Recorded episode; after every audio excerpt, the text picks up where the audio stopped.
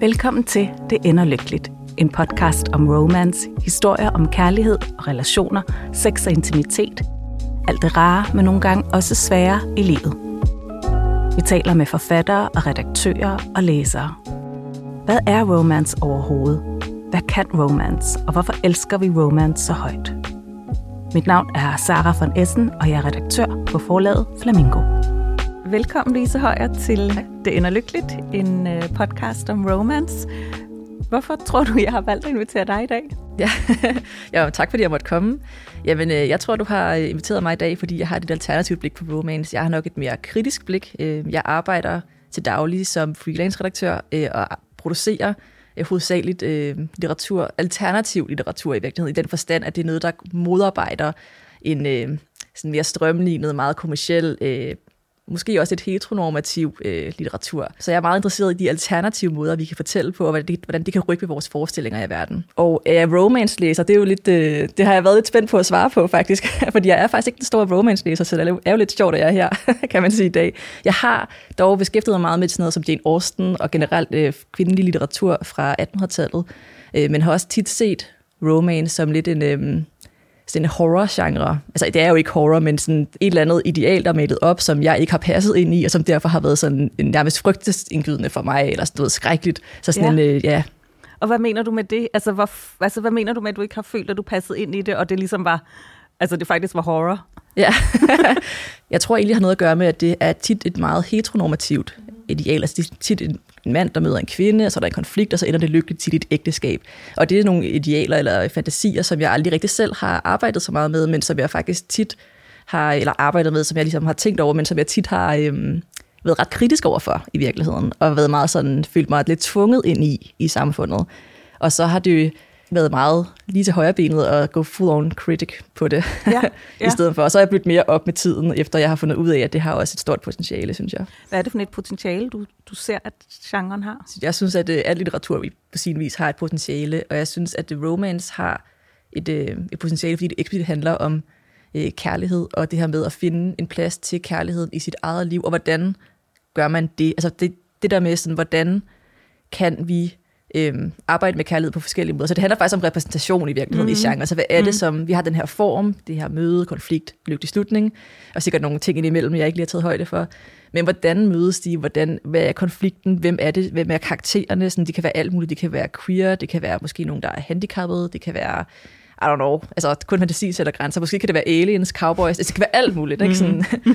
jeg snakkede lige med en i går, som havde læst en erotisk, øhm, hvad var det nu, western ja. øh, novelle. Han var helt op at køre. Altså han synes bare sådan en homoerotisk western øh, ja, romantisk novelle. Jeg var ja. sådan, ja, jeg kunne, jeg kunne se gnisten i hans øjne. Ej, godt. det var yes. så fedt. Det virker. Ja. ja. Og så er det også bare en, et andet potentiale, som jeg synes er ret vigtigt, er, at romance-genren er jo en rigtig kommersiel stor genre, så den har et rigtig bredt publikum. Og det er jo bare vigtigt, hvad der, bliver, øh, hvad der får plads i kulturen. Så hvis man har, altså som for eksempel Call Me By Your Name, en film, der kom ud for et par år siden, som sætter fokus på ja, sådan et homoerotisk forhold i, hvad er det, 80'erne, slut 80'erne eller sådan noget. Og det får jo mine forældre for eksempel, som ikke er særlig øh, queer for eksempel, de sad og snakkede om sådan, nå ja, helt historisk eller noget i 80'erne, og de kendte også, jeg var vist nok en fra deres folkeskole, der var et eller andet, eller sådan, så det ligesom får sat nogle samtaler i gang og få øhm, den her, få bredt den her genkendelighed ud til mange flere forskellige former for kærlighed og seksualitet. Ja, og netop også men netop, du nævnte også selv det her med, at det er en kommersiel genre. Altså, det er jo også noget i det der møde, fordi det er jo også noget af det, der også måske har været med til, at det har været en, en meget traditionel genre, eller det var noget, der ligesom skulle kunne nå ud til så mange som muligt. Det er jo også det, der ligger i, i begrebet kiosklitteratur. Ja. Altså, og, og det der med, altså som jeg hørte, så siger du, at, der, at det ligesom også altså, giver det muligheder faktisk, at det åbner det op, selvom det måske også er det, der har været med til at give det et tavligt ry. Ja, det er sådan tvetydigt, altså man kan sige, det er jo den her klassiske debat, der er imellem, jamen, skriver man litteratur, fordi man vil sælge, eller skriver man litteratur, fordi man gerne vil sige noget, eller sådan, der er ligesom, det er sådan en klassisk, tror jeg, kritik af massekultur øh, i det hele taget, sådan, hvad er det, det skal, eller sådan, det er som om, det er noget dårligt, at vi er bare noget, der på en eller anden måde dulmer os, og så læser vi det fuldstændig ukritisk, og så får vi ikke noget ud af det. Øhm, og det synes jeg jo er jo helt forkert, faktisk, fordi at øh, det, er, det er jo netop, synes jeg, at i massekulturen, tv-serier, eller de her romance, eller store sci-fi filmproduktioner, hvor det var sådan genre-litteratur, tit massekultur, at, øhm, man virkelig kan nå ud til mange mennesker, og det synes jeg har en virkelig stor betydning, for det er det, de fleste de, ligesom forbruger i ja. virkeligheden, hvor at man kan sige, hvem har lige... Altså, ja, jeg kender da ikke særlig mange, der har læst Helt Ulysses, for eksempel. Det kan godt være, at det var en virkelig vigtig bog, øh, men jeg læste altså 80 sider, så var jeg sådan, den er sgu lidt kedelig. øh, sikkert rigtig vigtig. Det er der nogle andre, der kan beskæftige sig med. Jeg læser noget andet. Så sådan, altså, ja, ja det er måske... det kan godt være, at der kommer nogen efter mig nu med høtyver, men jeg synes, at det ikke vi må undervurdere de her store øh, genre. Jeg synes, tror, det, har, det er rigtig vigtigt, hvordan at, øh, at vi ligesom breder dem ud. Ja, og tager dem alvorligt også. Tager dem alvorligt, ja, ja. det er rigtigt. Nu sagde du, du havde beskæftiget dig med Jane Austen, mm. og det er jo stor litteratur, men bliver også nogle gange lidt øh, fremstillet som noget, der ikke er det. Ja, altså jeg har læst litteraturvidenskab på KU, og der læser man Austen på pensum, og der kan jeg huske, at det var en samtale, vi havde med, at det her litteratur, som er kanon, eller er det sådan lidt øhm, tomme kalorier litteratur? Ja. Kan det overhovedet noget? Det er jo bare romance, ligesom den der sådan med hvor det synes, og så lige Jane Austen synes jeg bare er rigtig sej. Altså, hun, ja, det er grund til, at jeg elsker, jeg fortsat elsker Jane Austen, og særligt Pride and Prejudice, eller Stolthed og Fordom på dansk, er, at øh, hun er ret badass. Altså, hun er virkelig satirisk. altså, det kan godt være, at det er romance, men det er jo ikke harmløs romance. Altså, hun har også en, en ret hård samfundskritik i sine romancer, som jeg synes, man ikke kan se bort fra. Så det er, sådan, det er, også, og det er måske et meget godt eksempel på faktisk, hvordan genren kan være øh, både, altså kan arbejde sig ind i en bestemt form, for det er jo et genre, der har en form, man skal opfylde, men det kan sagtens lege med formen og prøve alle mulige ting, at jeg eksperimenterer inden for de rammer. Hvis vi så netop skal gå over i noget kampdag og sådan noget, kan man overhovedet tale om en sammenhæng mellem romance og 8. marts og kvindernes kampdag? kan vi ligesom, kan vi sy det sammen på en eller anden måde? Sådan, kampdagen er en meget sådan specifik ting. Øh, men jeg tror, jeg vil starte med, hvordan øh, måske sige lidt om, hvad det kampdag betyder for mig, for ja, så giver det meget endelig. god mening i forhold mhm. til, hvad jeg kan se i genren i virkeligheden. Og for mig, øh, der betyder kamp, jeg har, det er faktisk lidt sjovt, eller det ved jeg ikke, om det er sjovt, men jeg har ligesom, jeg, har, jeg fejrer faktisk aldrig nogle helligdage. Nej. Eller sådan, jeg fejrer ikke jul og påske og alle de her ting. Heller ikke så der, det. Nej, nej, nej, øv, øv. Ja. øh, men jeg har derfor heller ikke rigtig sådan dyrket kampdagen, men det er noget, jeg sådan er begyndt efterfølgende. Nu har jeg gået rundt her de sidste par uger og spurgt alle mine meget, ja, jeg har tit mange queer og feministiske venner og sådan, hvad det, hvad det betyder for dem. Og det, der går igen, som jeg synes er rigtig fint ved kampdagen, det er det her med, at det er en måde at anerkende alle de kvinder og alt, altså alt mænd og alt det andet, der er, ligesom er derude, deres sådan indsats for kampen førhen. Altså de anerkendte mm. deres indsats, mm. og så også at skabe en kampgejst fremadrettet til den kamp, der stadig er brug for at blive kæmpet. Ja. Det er sådan en mærkedag, ligesom at huske os selv på, og ligesom både klappe os selv på skulderen, men også være sådan, at vi, vi skal sgu også videre ja. herfra. Og det er jo fællesskab. Mm. Det jo handler mm. simpelthen om, at man ligesom får... Øh, jeg kommer ud over barrikaderne og får snakket med nogle mennesker og får fejret noget sammen. Der er også det her sammenhold. Og det, det tror jeg godt, at man kan snakke om, at der jo også er i, i romance, øh, både med det her med, at man kan identificere sig med hinanden, og man kan øh, snakke om alle de her crushes, man har, og sådan noget, af de her smukke karakterer, men også, at man måske kan få sådan en, ja, men øh, lad os udforske nogle af det. Så hvad er kærlighed? Lad os sådan, den her kampgejst, kan den måske også komme ind i romance? Mm-hmm. Det tror jeg godt, den kan, men jeg tror, mm-hmm. det mhm. kommer meget ind på det enkelte værk. Og ja. temaet simpelthen.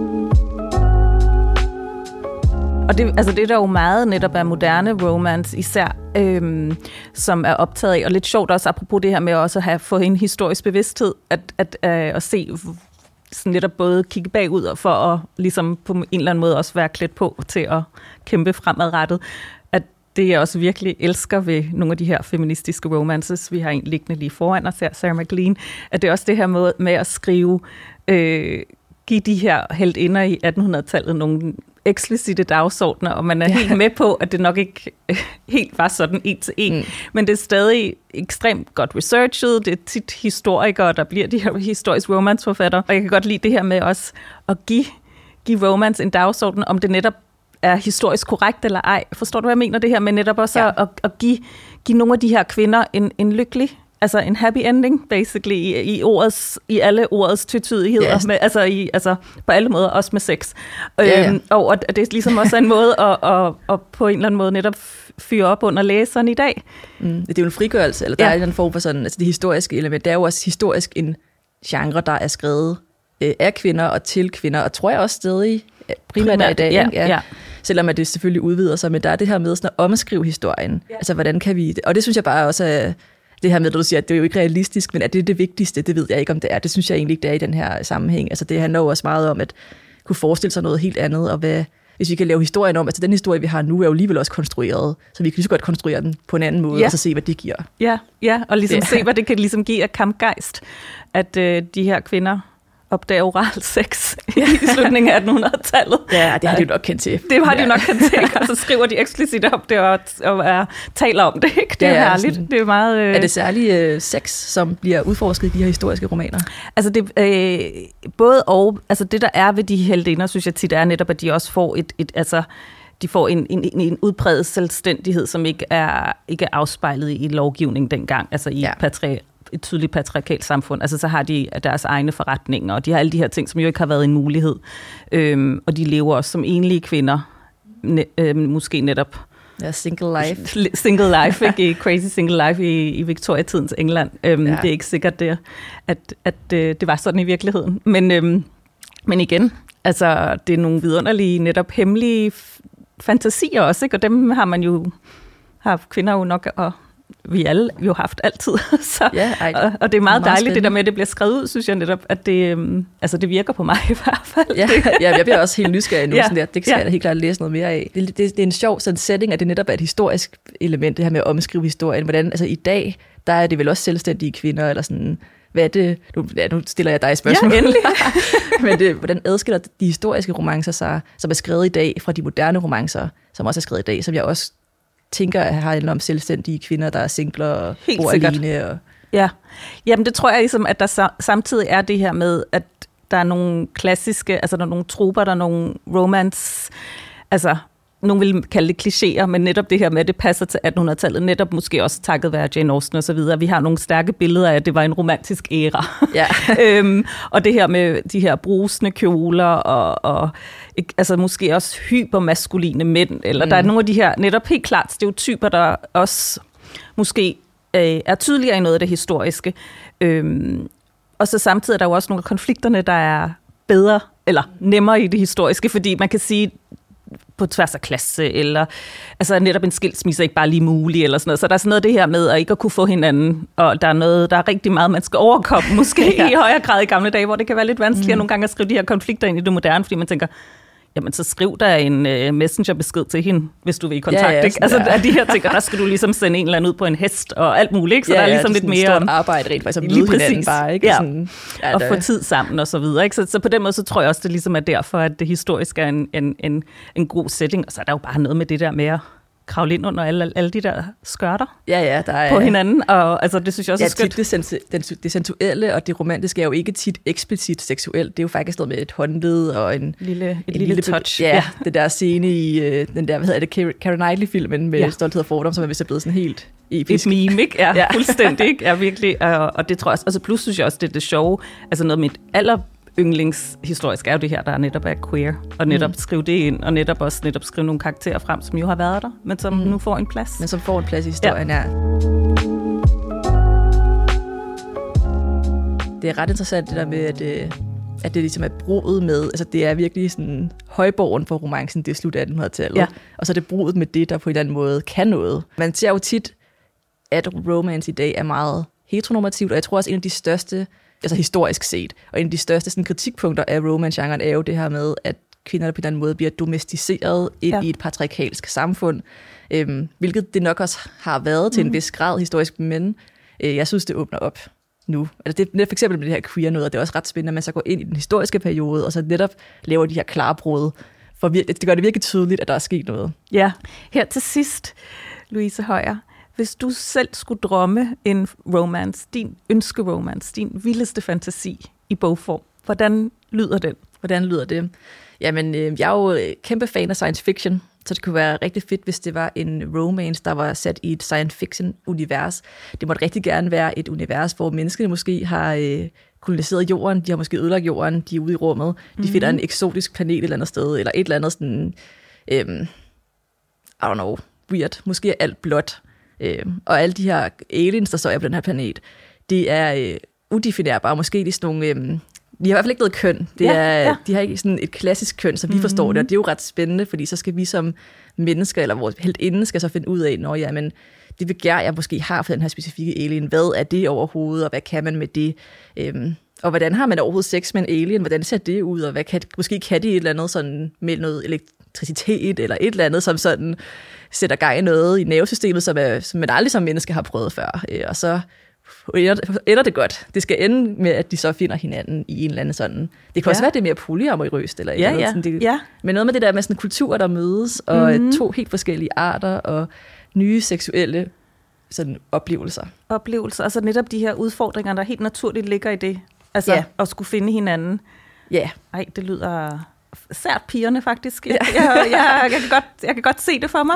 Hvor dejligt. Men tusind Ja. tak. jamen det var så lidt. Og altså igen, vi plejer jo i kulturen rundt om os, siger man, at man skal passe på, hvad man ønsker sig, men det er jo ikke noget, vi opererer med her. Nej. Håber man jo bare, at alle ønsker går i opfyldelse lige præcis, Ja, så det ej. skal ende lykkeligt. Tak skal du have.